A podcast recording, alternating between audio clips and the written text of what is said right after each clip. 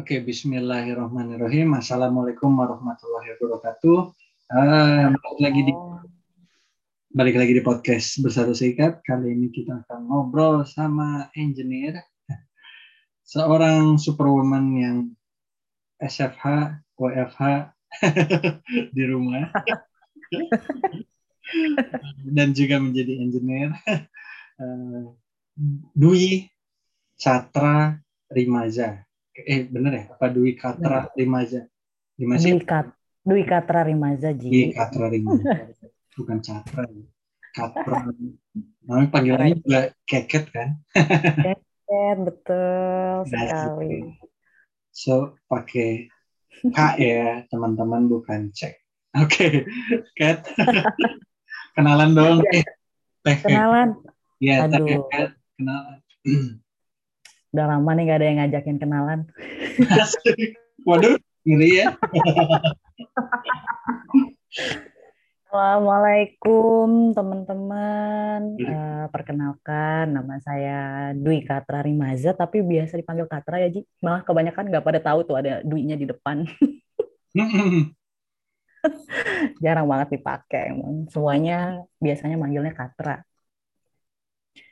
Gitu apalagi? Sekarang uh, kesibukan berarti? Sekarang kesibukan masih uh, ngerjain apa ya? Masih uh, bekerja di salah satu perusahaan uh, apa ya? Uh, BUMN ya kalau sekarang udah full BUMN hmm, posisinya di situ sekarang jadi di senior project control engineer gitu. Terus kesibukan lainnya apalagi ya di rumah aja WFH nemenin anak school from home uh, gitu Ci. Asik. Nah kita sebelum ngomongin engineer ya, sebelum ngomongin uh, dunia itu gitu. Dunia itu. gimana dong ngebagi waktunya gimana tuh? Seru banget kan pasti WFH karena sebagai engineer terus juga school from home yang tidak mudah itu dan juga kan jadi ibu yang baik buat anak. Jadi, aduh ini selama school from home kayaknya udah udah musuhan mulu nih sama anak nih bukan jadi ibu yang baik. Eh, tapi tapi emang di situ tantangannya sih gitu kan karena sebenarnya anak-anak itu uh, agak susah ya kalau dengerin ibunya yang ngajarin gitu. Pun ibunya juga nggak sabaran gitu kan. Tapi mereka akan lebih dengerin kalau gurunya yang ngajarin gitu kan. Jadi tantangannya di situ aja sih. Uh, bagi waktu paling pagi-pagi kalau kalau jam kerja aku itu kan sebetulnya dimulainya jam 7 pagi Ji. Jadi mm -hmm uh, ya udah uh, jadi udah kayak biasa aja pagi-pagi tuh uh, mulai buka laptop, ngecek email gitu. Sedangkan anak-anak sekolah itu mulainya jam 8. Jadi ya udah cek-cek email terus nyiapin buat mereka lah ya, nyiap-nyiapin worksheet gitu terus uh, apa namanya bukain laptopnya, klik linknya kayak gitu-gitulah. Nanti uh, alhamdulillah sih kalau si anak pertama udah bisa sekolah sendiri paling dia butuh bantuan sesekali aja gitu. Kalau yang kedua nih, yang TK. Nah, ini emang harus didampingin. Tapi uh, untungnya tuh sekolah cuma setengah jam ya, Ji, kalau yang TK. Uh, eh, jadi ya oke okay lah, uh, setengah jam buat dia dulu gitu, buat dampingin si adik dulu. Karena kalau nggak didampingin kocar kacir. ya udah bikin dia duduk di duduk diem di depan laptop aja udah susah banget kan? Hmm, gitu. Jadi emang harus ditemenin kalau yang kedua. Habis itu ya baru fokus kerjaan. Gitu. Nah, uh, lanjut ya ke yang tadi kakak ceritain gitu. Uh, sekarang posisi di situ, terus backgroundnya tuh apa sih dulu ngambil teknika atau hmm. ambil jurusan apa terus hmm, cerita hmm, sebelum ngambil jurusan itu tuh gimana gitu kenapa akhirnya memilih jurusan itu kenapa akhirnya memilih jurusan itu tuh sebenarnya terjebak sih sebenarnya Ji. Wah, ini terjebak akhirnya ada yang bilang Ah. terjebak. terjebak sebenarnya. Ada cerita sih sebetulnya. Sebenarnya itu dulu nggak pengen ambil teknik sipil. Hmm. Pengennya sebenarnya jadi dokter. Ah, Tapi ya gitu mungkin Tuhan berkata lain gitu ya. Eh, Dua kali SPMB. Jadi Nah. sebetulnya aku tuh lulus 2005, Ji. 2005 SPMB ambil kedokteran nggak lolos. Terus Nah, eh, abis itu setahun coba ikutan S, eh, daripada maksudnya jangan sampai nggak punya kegiatan gitu kan terus jadinya ikutan SSC tuh eh, setahun tahun depannya SPMB lagi tetap tuh kekeh ambil kedokteran. Nggak lolos lagi Ji. Terus dah akhirnya kan eh, cobalah ambil backup gitu maksudnya cari apa yang eh, biar biar punya backup gitu maksudnya jangan kelamaan nggak apa jangan kelamaan nganggur lah istilah- istilahnya gitu ya. Hmm. terus akhirnya memutuskan eh, ambil teknik sipil di salah satu eh, universitas swasta di Bandung. Itu pun kenapa sih kok ngambilnya itu gitu? Karena apa? Karena emang eh, emang anaknya nih tertarik banget sama yang, yang namanya beasiswa ya Ji. Hmm. dan jadi dapat info kalau di kampus ini tuh eh, ada beasiswa full untuk ma- untuk eh, siswa berprestasi di jurusan teknik sipil gitu. Dan kayaknya sih ada ada juga di beberapa jurusan yang lainnya juga ya. Cuman eh, kenapa sih pada akhirnya ngambil backupnya teknik sipil? Sebenarnya gara-gara kakak aku sih Ji gitu. Karena lihat kakak aku tuh eh, ambil teknik sipil juga. Jadi kayak mikirnya ya udahlah backupnya teknik sipil aja. Jadi bisa belajar sama kakak gitu kan. Buku-buku bisa lihat buku-bukunya kakak kayak gitu sih sebenarnya jadi role modelnya kakak.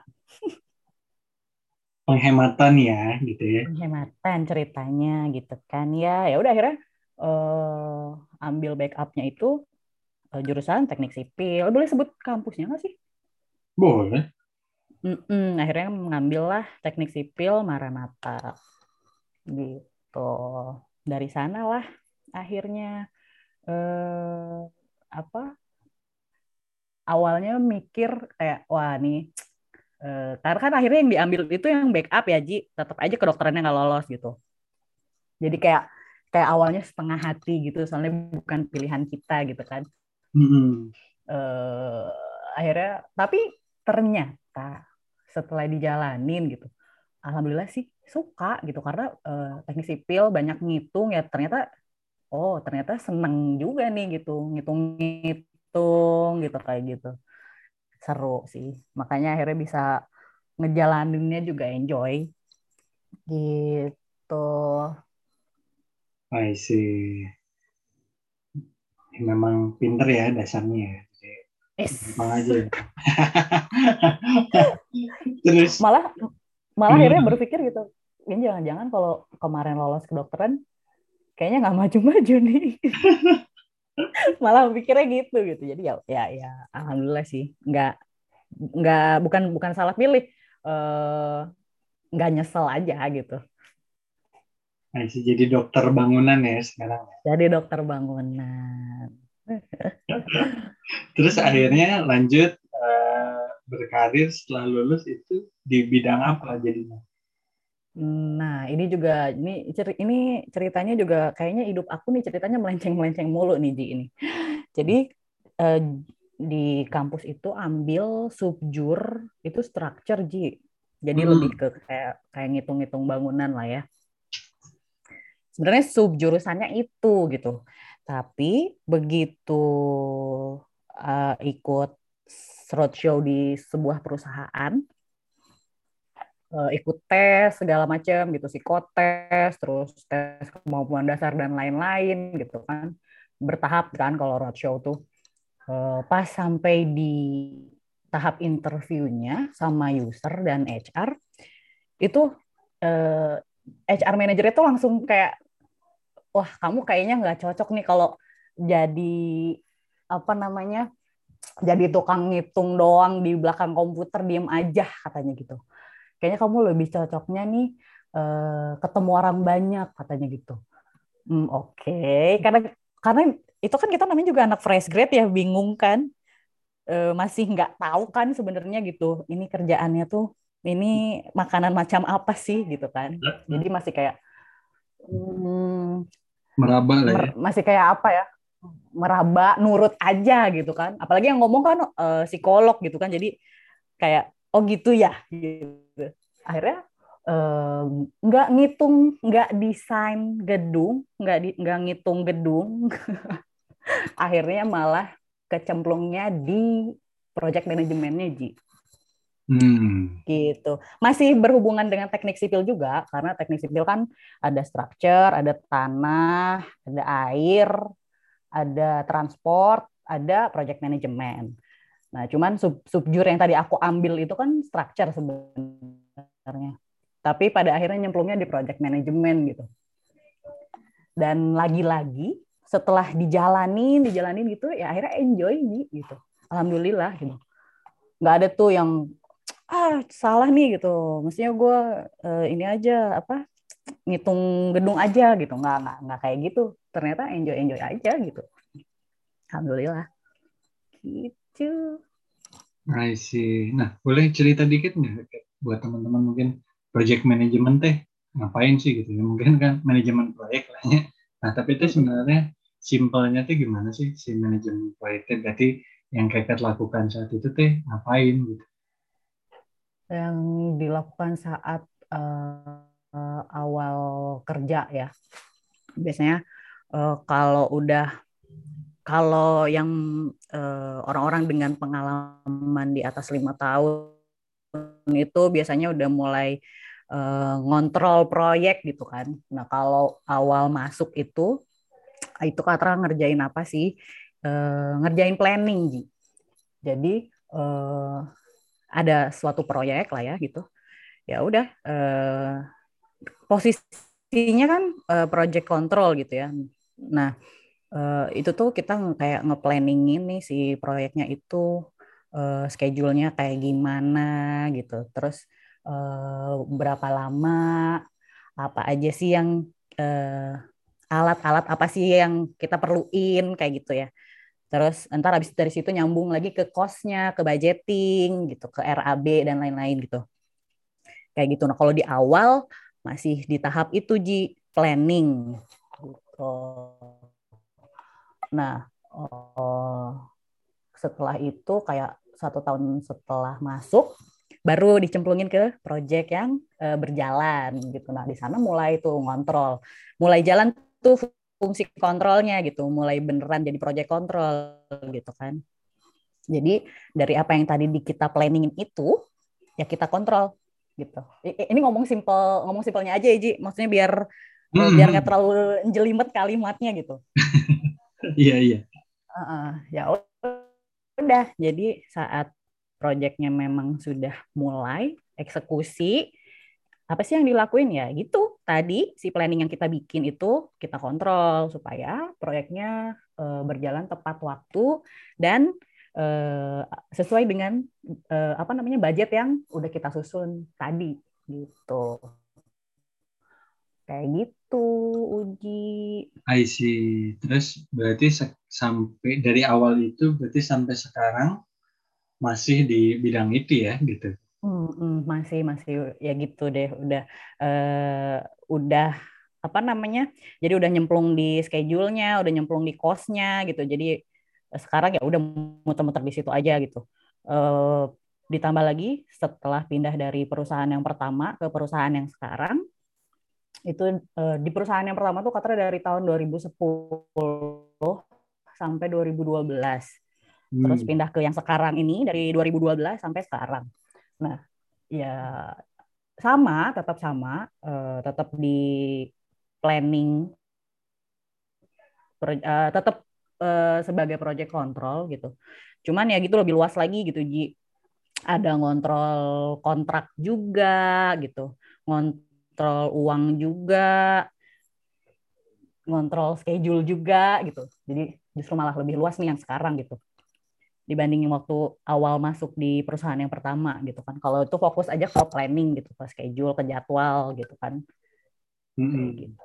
Mm -hmm. Kalau sekarang malah ke kontrak iya gitu terus ke ke uang juga iya gitu ke budget gitu nah gimana tuh akhirnya oh, belajarnya gimana tuh akhirnya uh, karena kan awalnya ya udah teknik sipil gitu basicnya mm -hmm. di uh, teknik hitungan terus mm -hmm. kemudian jadi merembet-rembet ke finance jadi legal gitu nah gimana tuh cara oh. keket apa ya adaptasi bahwa ada hal baru juga yang berkaitan sama pekerjaan ini gitu.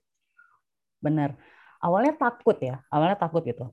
Kayak wah bisa nggak nih, bisa nggak nih gitu. Karena kan eh, tantangannya pasti nambah dong gitu kan. Terus eh, cuman ternyata ya ternyata emang kita harus ngilangin ketakutan itu gitu Ji. Karena kita tuh kerja di kantor tuh nggak sendirian gitu kan. Kita harus inget nih kita juga punya tim gitu. Jadi uh, gimana sih cara belajar yang tadi gitu? Kok kayak sekarang ngurusin kontrak ya berarti harus harus uh, apa namanya harus koordinasi sama orang legal gitu. Harus ko koordinasi sama kontrak engineer gitu. Jadi ternyata hal-hal yang tadinya di kepala aku tuh udah wah ini nggak bisa nih uh, nggak nggak pernah belajar ini gitu. Tapi ternyata di dunia kerja tuh uh, kesempatan tuh luas banget gitu. Kayak uh, tenang aja gitu. Banyak orang yang bisa kita uh, apa ya uh, bisa kita minta untuk ngajarin gitu Ji. Hmm. gitu jadi nggak nggak nggak sendirian kok gitu. Maksudnya kan uh, apa um, yang tadi ya yang tadi aku bilang gitu kayak uh, koordinasi sih yang paling penting. Koordinasi sama semua uh, apa namanya semua disi eh, kita bilangnya disiplin ya. Sama semua bagian sama semua bagian gitu. Ya insya Allah bisa gitu. Maksudnya dan yang tadinya ben, yang tadinya nggak ngerti tapi kan dengan dengan seiring berjalannya waktu learning by doing lah ya. Learning by doing dibantu sama teman-teman juga gitu kan. Sama senior senior juga. Plus alhamdulillah nih di setiap eh, apa di setiap proyeknya tuh dapat bosnya tuh emang yang alhamdulillah enak gitu. Mau mau ngajarin gitu kayak gitu. Jadi seru lagi maksudnya nggak nggak ada nggak ada yang nggak bisa lah gitu. Oh sih. Nah kalau misalnya sekarang ada juniornya keket nih, bu gitu, hmm. uh, bu bos asik. Oh, bu bos, ah hai saya, saya, saya ke kumaha gitu saya harus gimana nih gitu uh, kalau saya masuk ke bidang itu tuh apa sih yang harus saya persiapkan gitu basic-basic apa sih yang harus saya persiapkan biar kalau di ya kita bisa bilang dunia project management lah ya. Kalau masuk ke sini tuh berarti saya harus mempersiapkan apa aja nih biar saya bisa kuat gitu atau bisa stabil gitu bisa minimal di awal itu oke okay, uh, eh, siap nih. Oke siap nih yang pasti sih sebenarnya emang uh, kalau kalau apa namanya kalau bilang kerja job desk-nya gitu ya. Ya sebetulnya iya, job desk-nya itu spesifik sebetulnya gitu. Ji memang uh, memang perlu dasar memang perlu dasar dulu gitu. Nah, jadi ya apa sih yang harus disiapin ya yang pasti itu materi kuliah jangan dilupa-lupain banget lah ya itu udah pasti itu bekal awal itu bekal awal buat buat kita ngerti gitu eh, apa yang harus eh, kita siap bukan harus kita siapin eh, ntar tuh akan kita tuh akan ngerjain apa sih gitu. Nah ya tetap aja tetap aja bekal awalnya itu eh, adalah pendidikan kuliah kita gitu. Kemudian nantinya pas udah uh, beneran nyemplung di dunia kerja apa ya yang harus disiapin?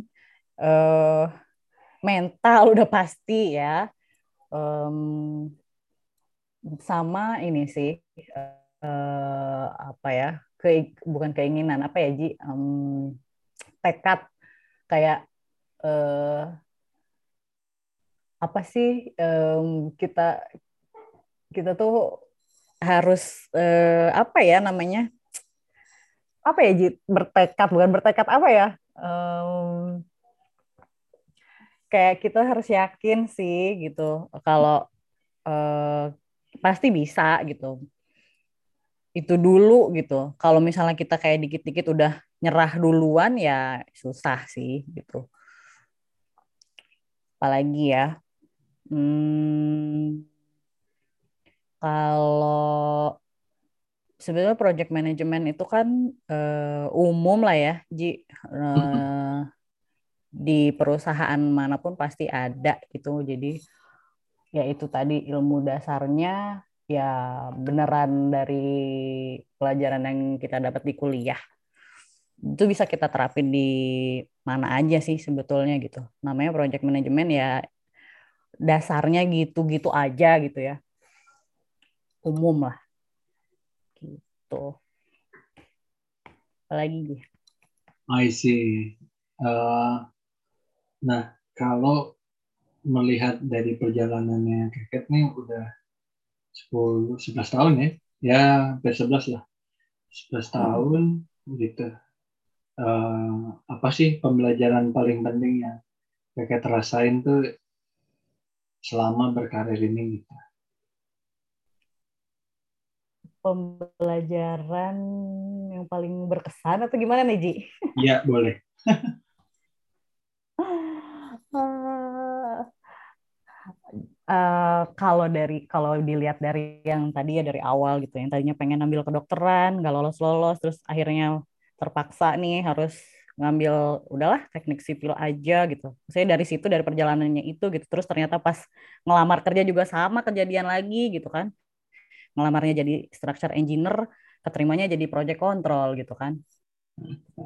Uh, dari situ sih pelajaran yang bisa diambil uh, ya itu tadi gitu um, kalau kita mau belajar itu pasti bisa kok gitu dan jangan malu buat nanya itu udah pasti uh, wajar gitu kalau misalnya anak baru nanya sana nanya sini itu nggak apa-apa. itu yang kepake banget sih kalau buat aku ya Ji. Uh, apa namanya komunikasi sama orang-orang yang berhubungan lah ya yang berkaitan dengan kerjaan kita tuh kepake banget gitu. Malah kayak uh, mungkin mungkin teori-teori yang kita punya di kuliah itu ya itu buat dasar aja ya gitu.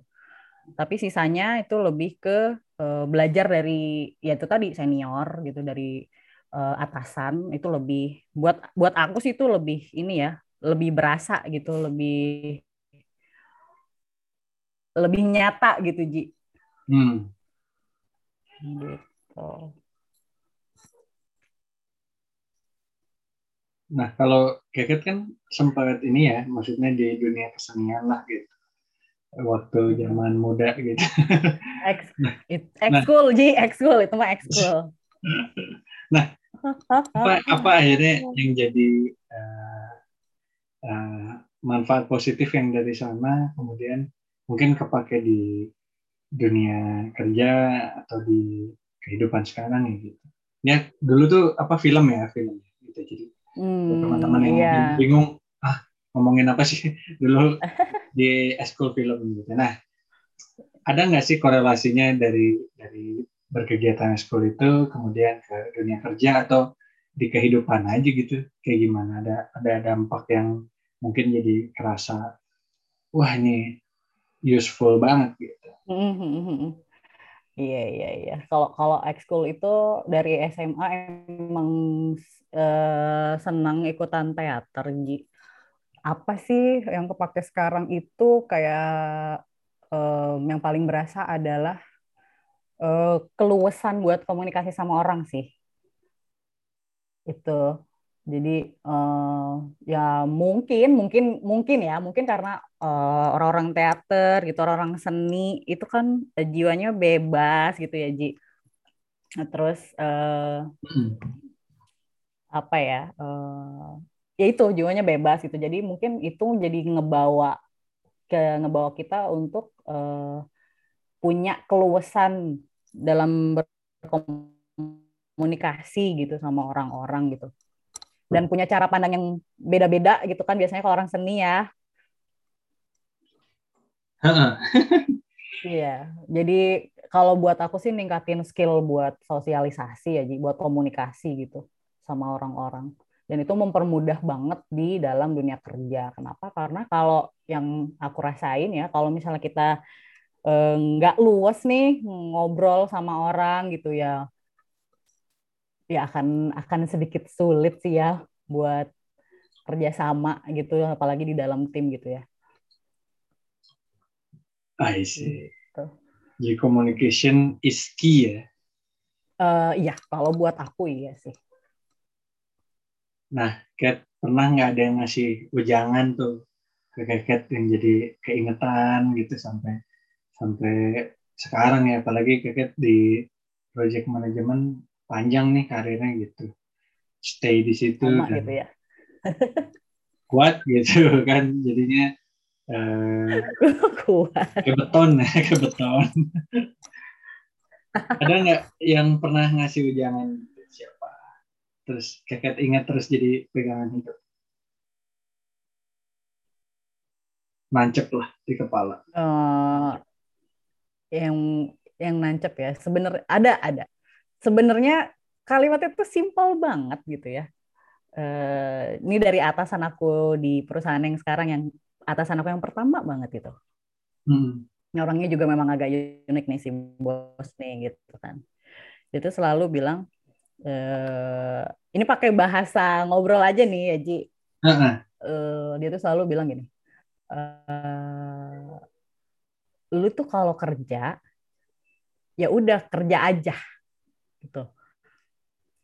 Jadi jangan mikirin apa, uh, jangan mikirin apa namanya in, sampingan-sampingannya gitu. Jadi lu tuh kalau kerja kerja aja gitu, fokus, pasti Eh, lama-lama ntar lu akan jadi expert di situ gitu jadi nggak nggak perlu nggak perlu karena kan di dunia kerja tuh banyak banget ini ya Ji uh, gesekan lah ya udah pasti lah ya itu. Hmm. Hmm. Um, apalagi perempuan ya kan apalagi engineer gitu. Engineer perempuan tuh nggak banyak gitu. Uh, berawal dari situ sih. Uh, engineer perempuan tuh nggak banyak gitu. Jadi kalau memang lu pengen sukses gitu ya kata si bos nih kalau lu pengen expert lah istilahnya gitu ya udah kalau kerja kerja aja gitu gak usah mikirin sampingan sampingannya gitu. Karena eh, mungkin buat yang belum masuk ke dunia kerja sih belum ngerasain tuh ya Ji. Maksudnya yang apa sih yang sampingan sampingannya gitu. Apa sih hmm. maksudnya gitu. Kalau udah masuk ke dunia kerja tuh mulai berasa gitu. Eh, uh, apa ya tekanan sosial. Bukan juga apa ya namanya. Hmm, kadang ya. tuh apa yang kenapa? Ya, ya politik salah satu bagiannya lah ya politik. Ya, ya, ya. Uh, ya tapi ya banyak hal lah ya. Environmentnya lah ya kurang lebih dari dari ya. kalau kita bekerja ya. Bener, bener. Environment ya itu tadi eh, tekanan sosial mungkin ya kayak lebih yang mudah dimengertinya gitu. Uh, kadang kan kita juga nggak nggak bisa maksain ya metode kerja kita gitu kayak gitu-gitu. Cuman tetap gitu. Uh, gimana ya Ji supaya ngerti kalau kerja tuh kerja ya udah lu kerja kerja aja fokus gitu. Hmm. Uh, itu simple gitu menurut aku ya kalimat yang simple banget gitu lu kalau kerja kerja aja gitu tapi itu ketanem banget gitu jadinya tuh aku jadi nggak uh, nggak terlalu mikirin yang lain-lain yang di luar kerjaan aku gitu. Akhirnya di situ jadi makanya bisa betah lama gitu, anteng. Itu aneh anteng sih. Hmm. Lumayan. Eh, Damai uh, ya. Iya, 9 tahun. Iya, banyak sih problematika mah pasti ada, bosen juga pasti ada gitu kan, Eji. Nah. Cuman ya itu gitu karena kata-kata si bos yang super simpel itu gitu ya lu kalau kerja kerja aja gitu nggak usah mikirin sampingan sampingannya gitu. Oh oke. Okay. itu ketanam sih gitu. Se sesimpel itu. I see. Menarik ya menarik. Emang eh, mungkin istilahnya Uji juga akhirnya ingat lagi gitu. Iya salah satu value yang Uji coba pegang ya itu ya. Yang sesuai gawe gitu ya kayak kerja aja gitu. Uh -uh. fokus aja fokus, fokus aja, aja. gitu, gitu. Hal-hal lain mah ya mengikuti lah ya gitu. nah iya gitu benar-benar setuju setuju benar nah udah di penghujung nah. nih sudah setengah jam tidak sudah setengah jam sudah setengah jam Yo. Kirain baru pembukaan, Ji. Asik. Ji, aduh udah nyiapin kotretan nih, Ji. Asik. kirain Uji mau nyuruh, kirain Uji mau nyuruh aku bikin esker. Asik. Ese ya. Udah, udah, udah deg-degan. Alat tulisnya sudah siap ya. Udah siap. Aduh. Pertanyaan terakhir deh. Uh, apa namanya? kalau uh, sekarang nanti Keket jadi inilah ya, jadi pimpinan dan lain-lain gitu. Uh, apa sih yang value-value apa sih yang pengen dibagi ke tim nantinya? Apalagi Keket selama ini kan sudah hampir 10-11 tahun ini uh, kerasa lah gitu ya bekerjanya. Nah, gimana sih cara Keket nanti mendampingi tim atau bahkan yang sekarang Keket lakukan ke juniornya itu gimana tuh nilai-nilai apa sih yang di apa kedepankan gitu, sih Kak. Nilai-nilai apa yang dikedepankan? Uh, yang pasti harus saling mendukung ya Ji. Hmm. Hmm, maksudnya gini ya uh, hal-hal yang paling penting kalau di tim itu ya pasti koordinasi yang baik gitu ya Ji. Hmm. Itu uh, uh, koordinasi yang baik. Terus uh, ya kita juga harus saling bantu lah ya kalau apalagi kalau sama junior gitu kan ya karena uh, biar gimana pun juga keberhasilan proyeknya juga kan ditentuin sama kita semua juga gitu satu tim gitu kan. Jadi mau nggak mau ya pasti uh, saling saling bantu ya saling bantu, koordinasi. Ju, uh, yang penting jujur. Jadi kayak kalau misalnya nih gitu, contohnya, aduh, uh, gue salah nih mbak gitu. Uh, ini kemarin gini, ya udah jujur aja gitu. Jadi kita bisa bisa tahu solusinya apa gitu. Ini contohnya aja gitu, salah satu contoh simpel aja gitu, Ji. Uh, jujur. Jadi nggak ibaratnya nggak ini ya nggak nggak matiin tim gitu hmm. uh, apalagi ya itu aja sih membangun environment yang enak ya. Maksudnya kalau kalau ya kita baik-baik aja lah sama orang gitu intinya gitu ya. Uh, nggak usah yang aneh-aneh lah gitu ya. Aneh-aneh gitu nggak usah yang kaku atau gimana. Ya lebih lebih ini aja lah empati. Itu sih sebenarnya karena kenapa? Karena kalau lingkungan kerjanya udah enak, itu pasti semua orang yang ada di dalamnya tuh bakalan kerja dengan enak gitu, Ji. Hmm. Setuju. Pasti nyaman gitu. Iya, pas, pasti akan nyaman gitu.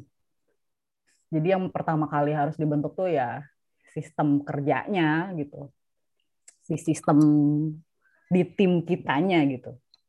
Supaya bisa jadi tim yang uh, menyenangkan lah ya ibaratnya yang ya kerja sih kerja gitu cuman uh, tetap uh, bikin semua anggota timnya itu nyaman gitu intinya itu sih.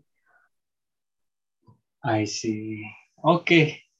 Dwi Katra Dimaza. Dimaza. Thank you banget sudah berbagi Sami-sami Uji, terima uh, kasih lo udah diundang ngobrol. Senang tuh kan dapat dapat pembelajaran lagi, dapat value-value baru lagi gitu. Hmm, mudah-mudahan bisa ini ya, bisa apa namanya, bisa memberikan sesuatu lah obrolannya. Pastilah, apalagi kan membuka ya teman-teman yang nggak tahu, oh begini toh gitu di sini. Jadi jadi selalu ada hal baru lah karena setiap orang punya ceritanya. Ya, yang penting uh, apa ya tetap semangat uh, belajar dari dari siapa pun kalau kata Kiket tadi kan Bener, jangan takut Betul. nanya lah ya jangan takut nanya bener, bener. Itu bener banget gitu. ya kalau sekarang mungkin di podcast ini mah ya ya bisa denger yang lain kalau emang lagi perlu bidang apa bisa didengerin gitu kan siapa tahu ada insight-insight yang oh ternyata di bidang ini tuh kayak gini ya gitu. Itulah Hmm. pokoknya mah sehat-sehat selalu Kat sekeluarga Amin, semua sami-sami. sukses karirnya Ya.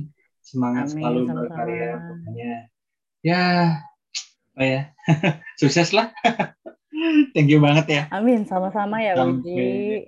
ya Thank you, thank you.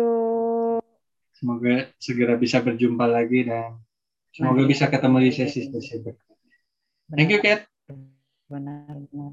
Sami-sami Uji, terima kasih banyak udah dikasih kesempatan buat ngobrol-ngobrol.